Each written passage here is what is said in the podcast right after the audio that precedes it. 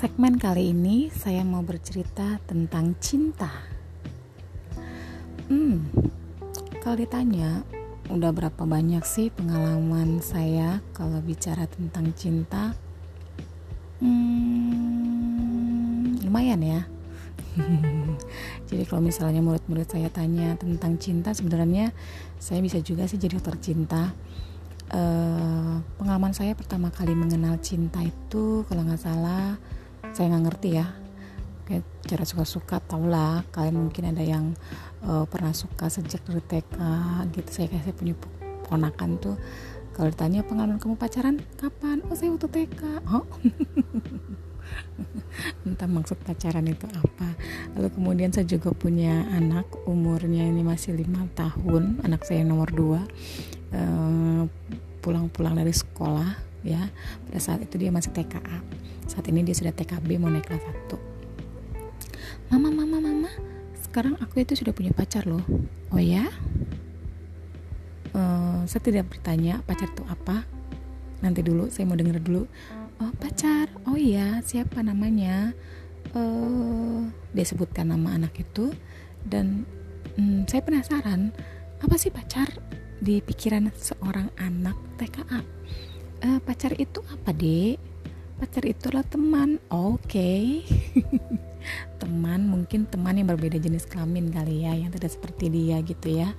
Uh, oke. Okay. jadi pacar kamu banyak dong ya dek ya? Enggak hanya dia saja. Oh kenapa kamu uh, mau uh, punya pacar seperti dia iya soalnya dia itu ganteng. Oh anak kecil aja tahu ganteng. Oke okay ya jadi ini perlu diperhatikan nih. Uh, kalau kalian masih melihat sesuatu atau seseorang itu dari gantengnya berarti kamu masih sebatas anak TKA sorry but that's true. Uh, kemudian saya berlanjut lagi. Kenapa kamu menyukai dia selain dia ganteng? Soalnya dia mau bermain dengan saya.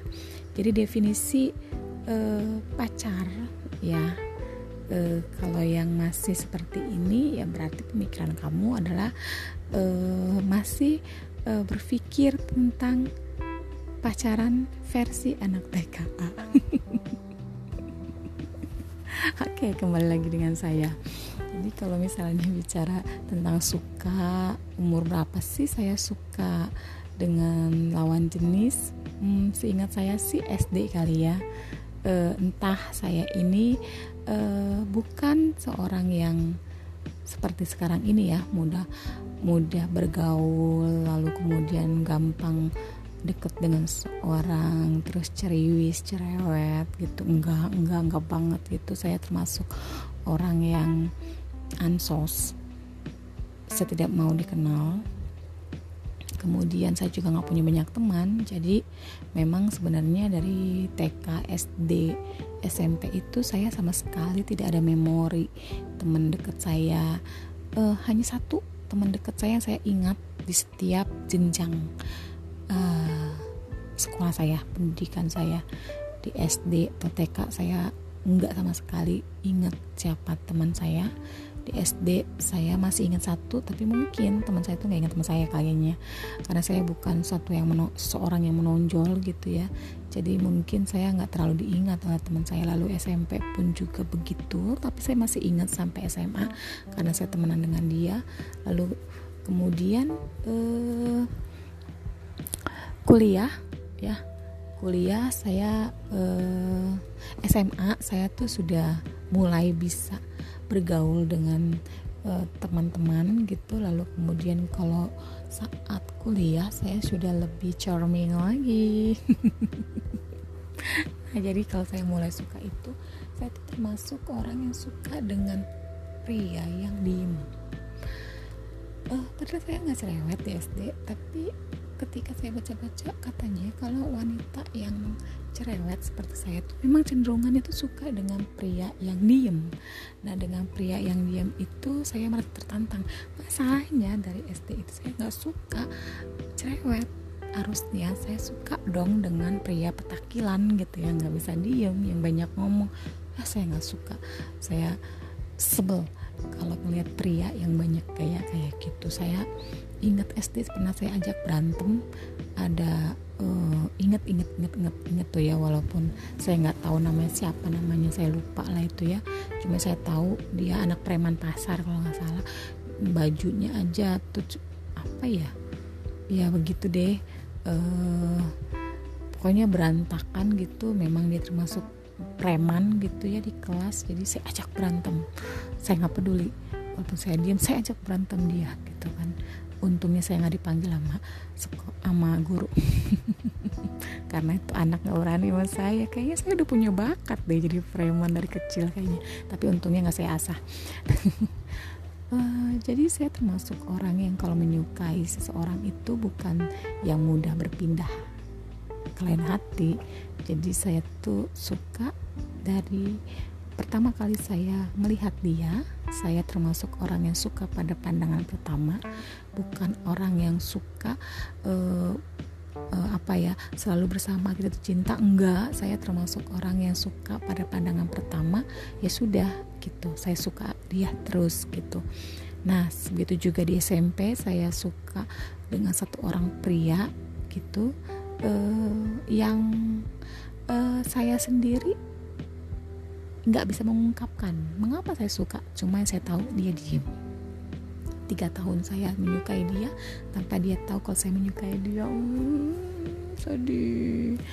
Lalu kemudian cinta SD saya itu ketemu lagi di SMA namun di situ mungkin saya sudah tahu ganteng ya cinta TKA anak saya itu.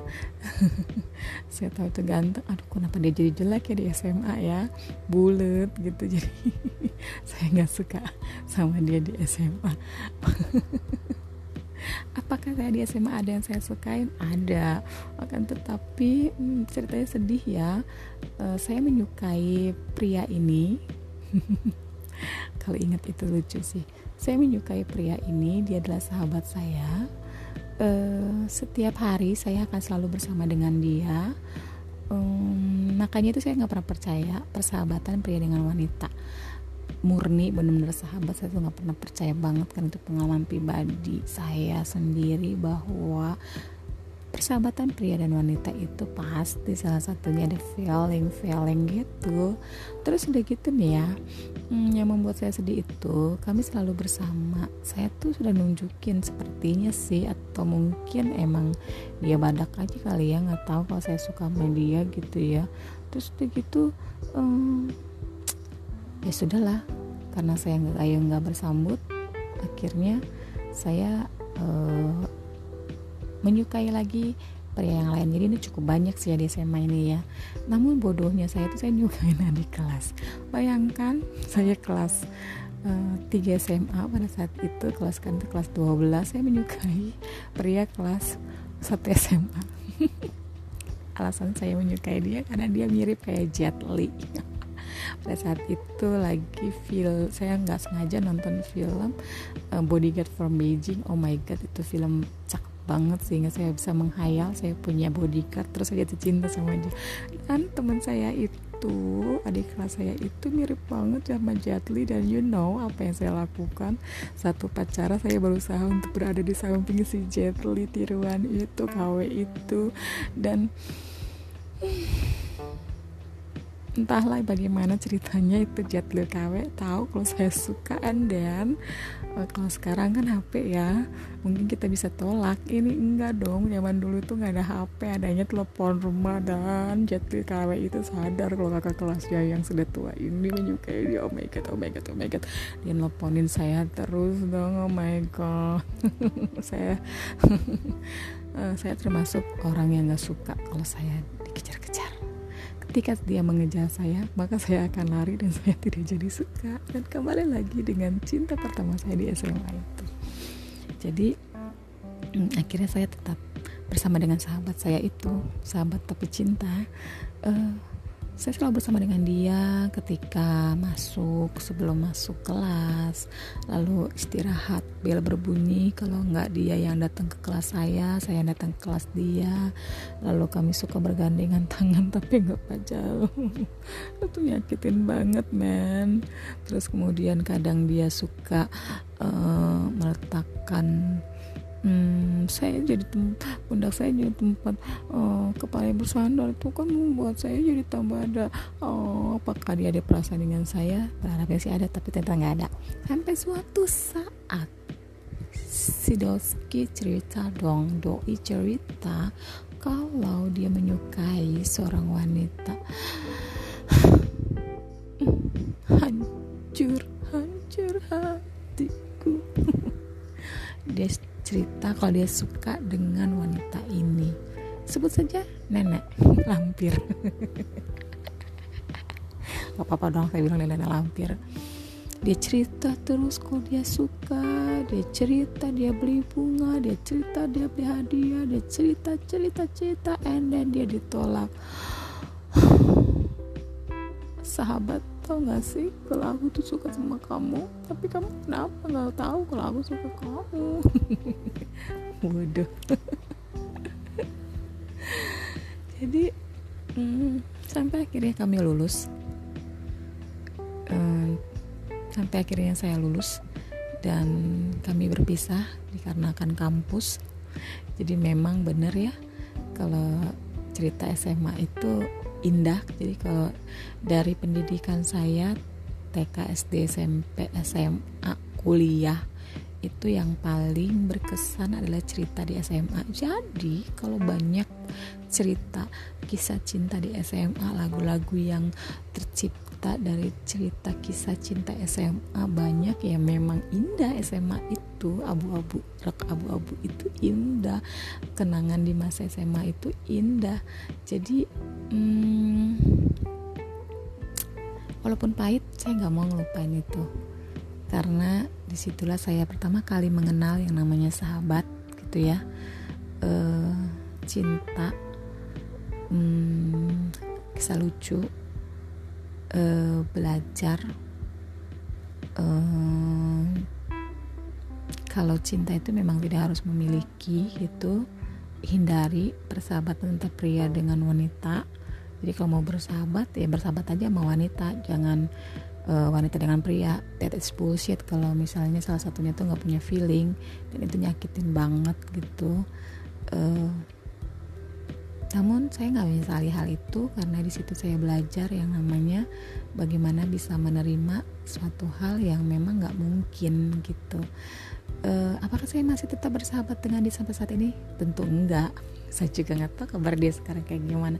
Cuma beberapa tahun yang lalu saya sih pernah kontekan dengan dia tapi dia sudah punya istri ya. Lalu sayangnya dia nggak bisa punya anak. Entah dia entah istrinya lah ya. Uh, semoga mujizat terjadi dia bisa punya keturunan. Uh, terima kasih Tuhan saya punya keturunan eh bukan nyumpahin ya eh no no no no, no. jadi bicara cinta sesuatu yang sederhana menurut saya tapi itu nyakitin apakah saya menyesal jatuh cinta oh tidak jadi itu cerita pertama saya tentang cinta Semoga menikmati cerita lucu ini. Selamat malam and have a nice dream, guys.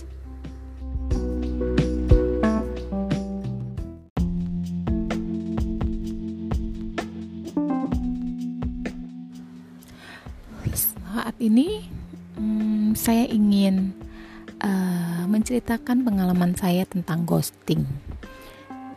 Ya mungkin karena memang sekarang lagi viral kali ya kata ghosting itu. Ghosting itu artinya apa sih? Menghantui kali ya? Atau dihantui? Atau hantu? Pergi nggak dijemput pulang nggak diantar. Tapi ya kalau bisa bicara ghosting gitu ya uh, emang nyakitin banget sih saya punya pengalaman pribadi di ghostingin sih. Kalau saya ngeghostingin orang ah itu mungkin kalau kalian denger uh, di segmen saya sebelumnya di episode ini itu tentang cinta ini saya memang pernah ghosting sih ya. Adik kelas. Nah pengalaman ghosting saya itu ketika saya sudah kerja. Itu saya sudah kerja saya hmm, berkenalan dengan seorang pria hmm, kalau bicara pria ini gimana? Ya buat saya pria ini uh, ketika saya semakin dewasa saya mulai mencari seorang pria yang mungkin bisa mengangkat harga diri saya. Yang memang udah gak berharga enggak lah enak aja. Uh, mengangkat harga diri saya gitu. Walaupun mungkin kalau dia jadi pacar saya pun uh, itu sebenarnya dia terangkat banget sih harga dirinya karena saya bukan dari keluarga kaleng-kaleng gitu. Dan banyak mungkin juga eh, calon-calon ibu mertua yang ingin punya mantu seperti saya yang nggak bisa apa-apa ini. Jadi singkat cerita nih ya. Saya sebenarnya tuh deketnya sama adiknya. Akan tetapi yang paling agresif tuh kakaknya gitu uh, saya juga nggak tahu gimana ceritanya sampai si kakak ini si abangnya ini nih ya uh, rajin ke rumah saya. Saya pun juga bingung what happened with this guys gitu. Uh, kenapa dia rajin banget gitu main ke rumah saya. Awalnya sih saya nggak terlalu apa ya berpikir gitu ya. Karena memang saya ada satu suku yang bicara mengenai uh, memilih pacar itu bukan suatu hal yang mudah harus dilihat dulu marganya tahu dong saya dari suku mana gitu kan. Nah, kemudian saya sudah menjelaskan kalau kita tuh nggak bisa hmm, secara suku ya. Nanti akan ada cerita suku lagi nih. Dan itu lumayan lumayan menyedihkan sih ceritanya. Uh, kita kan nggak bisa kan karena uh, orang tua kita itu ya emang nggak bisa. Saya pun juga mau uh, membuka hati saya untuk dia pun sebenarnya saya tuh juga agak-agak berat gitu loh. Ibaratnya pintu tutup nih ya. Mau ngebuka itu ibaratnya itu sebenarnya sudah terbuka gitu ya. Kuncinya sudah saya buka untuk membuka membiarkan dia masuk ke hati saya. Cuma saya takut nanti saya akan sakit hati seperti pengalaman saya waktu kuliah eh nanti saya akan ceritakan pengalaman saya itu. Nah kemudian akhirnya uh, bayangkan ya pendengar. Dia tuh sampai nyetok kopi di rumah saya dan bayangkan dia tuh tiap malam datang ke rumah saya. Sampai saya tuh ngantuk-ngantuk tuh saya uh, nerima dia gitu ya. Tapi karena saya suka juga sih sebenarnya sama dia gitu seperti yang tadi saya bilang kalau saya jadi sama dia jadian sama dia bukan menjadi menikah dengan dia saya maksudnya jadian dengan dia tuh uh, ada prestis tersendiri di depan para pemu kumpulan muda-mudi di tempat saya beribadah gitu kan. Nah kemudian uh, kami setiap hari tuh sampai rajin keluar rumah jalan-jalan keluar rumah sampai suatu saat mama saya bertanya. Manggil nama saya ya. Kak sebenarnya kamu ada apa dengan dia? Kamu punya hubungan apa dengan dia? Nggak ada apa-apa mak. Ya kalau memang nggak ada apa-apa kamu jangan kasih harapan sama dia karena memang saya punya sudah dikenal dengan memberi harapan palsu kepada para pria-pria gitu. Padahal nggak gitu juga sih. Ya, ya ya mungkin karena saya tipe orang yang menyenangkan uh, murah senyum. Sehingga para pria-pria itu berpikir sesuka mereka salah sendiri. Uh, eh tapi juga ada pengalaman sih mengapa saya seperti itu ya. Nah kemudian uh, mama saya bilang ya kalau kamu memang nggak suka dengan dia jauhi. Mak bukannya saya nggak suka sama dia cuma bu emangnya saya kita boleh saya punya hubungan dengan dia. Ya mama saya bilang ya emang nggak bisa juga sih. Ya udah. Jadi kalaupun kita mau bicara ada apa saya dengan dia hubungan apa saya dengan dia ya saya nggak bisa jawab banyak itu walaupun hati saya ketika saya menjawab itu sakit juga sih. Harapannya sih hmm, kalau bisa boleh lah jadian gitu kan. Tapi ya nggak bisa berharap banyak. Lalu kemudian suatu saat dia panggil saya ke rumahnya. Hmm, dia panggil saya adek ya dek bisa ke rumah abang nggak sekarang ada abang ada suatu hal yang mau abang katakan sama kamu ha tapi ya karena saya juga pikir saya dengan dia tidak ada yang hubungan apa apa gitu ya ya sudah saya datang aja ke rumah dia. Hmm, pas di rumahnya memang tidak ada siapa-siapa. Oh oh ngapain kamu di situ? Oh nggak pasti nggak mungkin ngapa-ngapain dong. Uh, dia cuma minta temenin gitu ya karena dia sendirian temenin dia lagi nyuci terus saya suruh bantuin. Ya ogah banget saya bantuin di rumah. Saya nggak mau nyuci gitu kan. Bukan nggak mau nyuci sih maksudnya uh, mama saya nggak pernah izin saya nyuci. Karena kalau saya nyuci sekali saya bisa sakit tangan saya seminggu. Pegel. Saya lebih baik gosok kali ya. Kalau gosok ke gunung apa pun saya bisa. Kalau suruh nyuci aduh. Saya ngerjain satu cucian tangan saya bisa pegel seminggu. Lah lebih repot lagi kan jadi mendingan gosok. Jadi saya cuma bantuin ngejemurin aja deh biar dilihat. Oh calon istri yang baik. Hmm, tapi saya juga nggak berpikir jadi istri dia juga sih. Nah kemudian uh, ada apa sih bang? Kok panggil saya ke sini nggak nggak ada apa-apa. Cuma melihat kamu aja. Hmm, merah-merah dong. Bilang oh kalau misalnya ada filter mungkin ada kupu-kupu. Mungkin ada alope-alope kayak di atas kepala saya. Terus kemudian hmm, sampai suatu saat di hari itu saya tanya bang mama saya itu udah tanya e, sebenarnya kita tuh ada hubungan apa ya? Terus saya bilang nggak ada apa-apa hubungan apa-apa. Karena memang nggak ada apa-apa juga. Kamu juga nggak nggak nyatain perasaan apa apa kan sama aku ya. Jadi kita kan nggak ada apa-apa ya bang ya. Terus dia hanya menjawab begini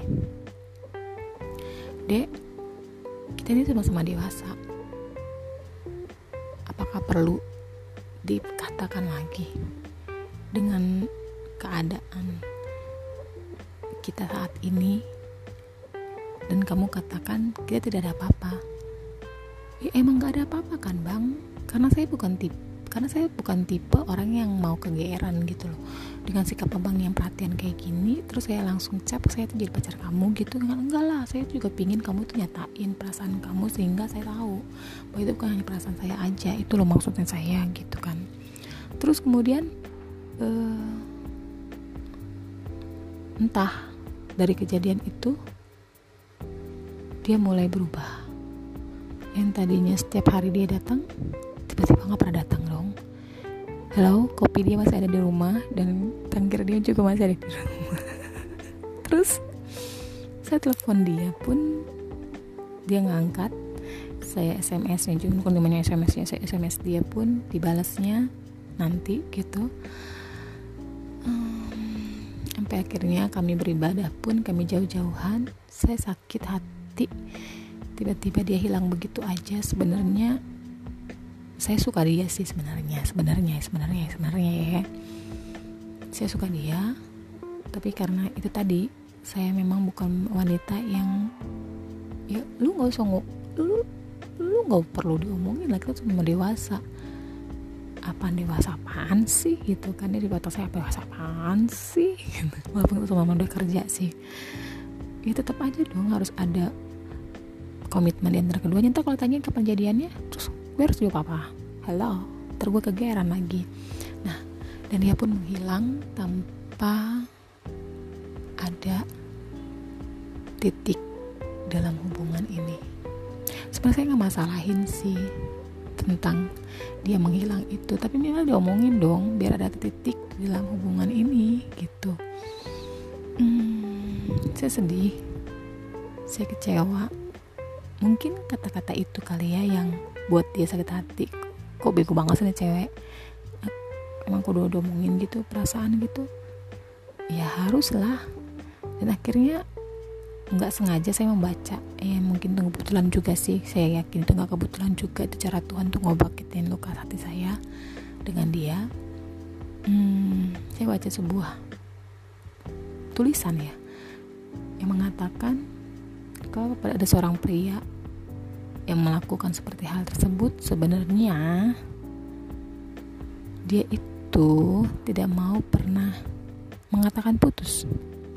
Karena memang dia nggak pernah memulai.